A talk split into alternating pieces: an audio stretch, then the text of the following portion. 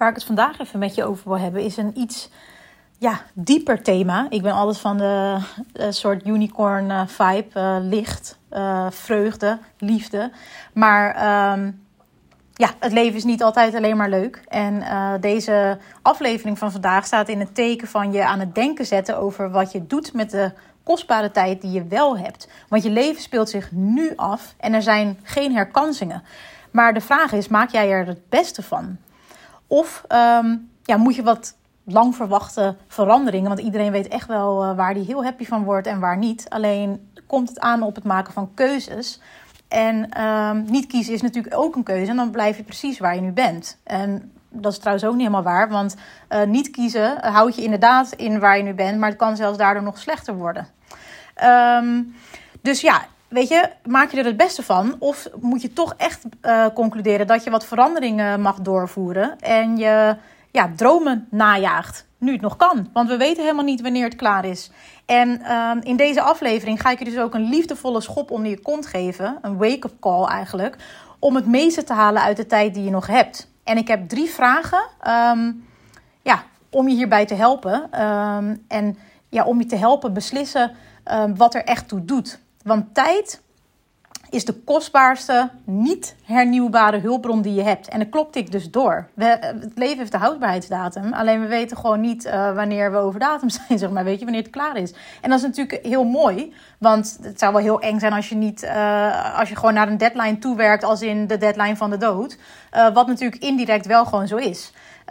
alleen het mooie is, we weten dus niet wanneer. Dus juist dat inzicht Um, heeft mij er in ieder geval uh, toe aangezet om heel zorgvuldig met de kostbare tijd die ik wel heb om te gaan.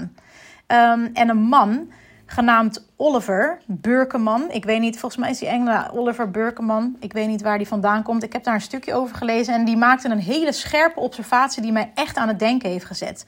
Hij zei namelijk: de gemiddelde menselijke levensduur is absurd, beledigend kort ervan uitgaande dat je ongeveer 80 wordt, heb je iets meer dan 4000 weken. Nou, besef even, 4000 weken. Ik weet niet hoe het met jou zit, maar voor mij klinkt dat helemaal niet zo lang. En um, in plaats van lastige vragen te vermijden en op de automatische piloot te leven, nodig ik je vandaag uit om daar verandering in te brengen.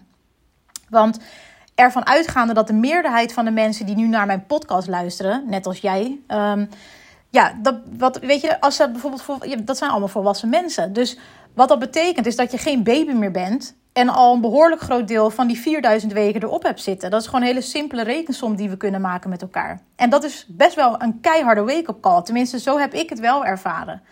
Want waar besteed je je kostbare tijd aan? Hoe kun je de tijd die je hebt anders besteden om vooruitgang te boeken en de dingen te doen die je echt graag wilt doen? En um, wil je bijvoorbeeld urenlang per dag um, op je telefoon zitten kijken naar mensen op social media die je ervan proberen te overtuigen hoe geweldig ze zijn, waarmee jij je lekker kan vergelijken? Nou, de rest kan je wel invullen. Um, wil je echt 10 tot 12 uur per dag blijven staren naar een computerscherm alsof je na die uh, slopende werkdagen, uh, net als aan het eind van de regenboog, ineens een pot met goud elke dag uh, vindt of zo? Of ga je eindelijk doen waar je dolgelukkig van wordt. En bijvoorbeeld quality time doorbrengen met de mensen waar je van houdt. Nu ze er nog zijn, nu jij er ook nog bent. Als je nadenkt over het idee dat je gemiddeld in totaal ja, ongeveer 4000 weken te leven hebt. En je waarschijnlijk al een aanzienlijk deel daarvan hebt geleefd. Wat wil je dan specifiek doen met de tijd die je nog hebt? Zijn er bijvoorbeeld belangrijke dromen en doelen die je echt uh, ja, prioriteit zou willen geven? Of zijn er ongezonde patronen en gewoontes, of misschien zelfs relaties, die je tijd of energie gewoon niet meer verdienen? Wat ik je gun, is dat je hier niet alleen maar over nadenkt en dus in je hoofd houdt, maar de antwoorden ook daadwerkelijk gaat opschrijven. Omdat het opschrijven een onderdeel is van wat je helpt om iets echt te maken. Of je nu nog 3000 uh, of 50 weken te gaan hebt, ik wil je uitdagen om moedig te zijn en heel bewust te zijn over wat je doet met je tijd. En ik heb daarvoor een aantal waardevolle vragen voor je om je hierbij te helpen. Komen ze. De eerste vraag. Wat is het enige dat je op dit moment doet? Niet omdat je dat zo graag wilt, maar omdat het van je wordt verwacht.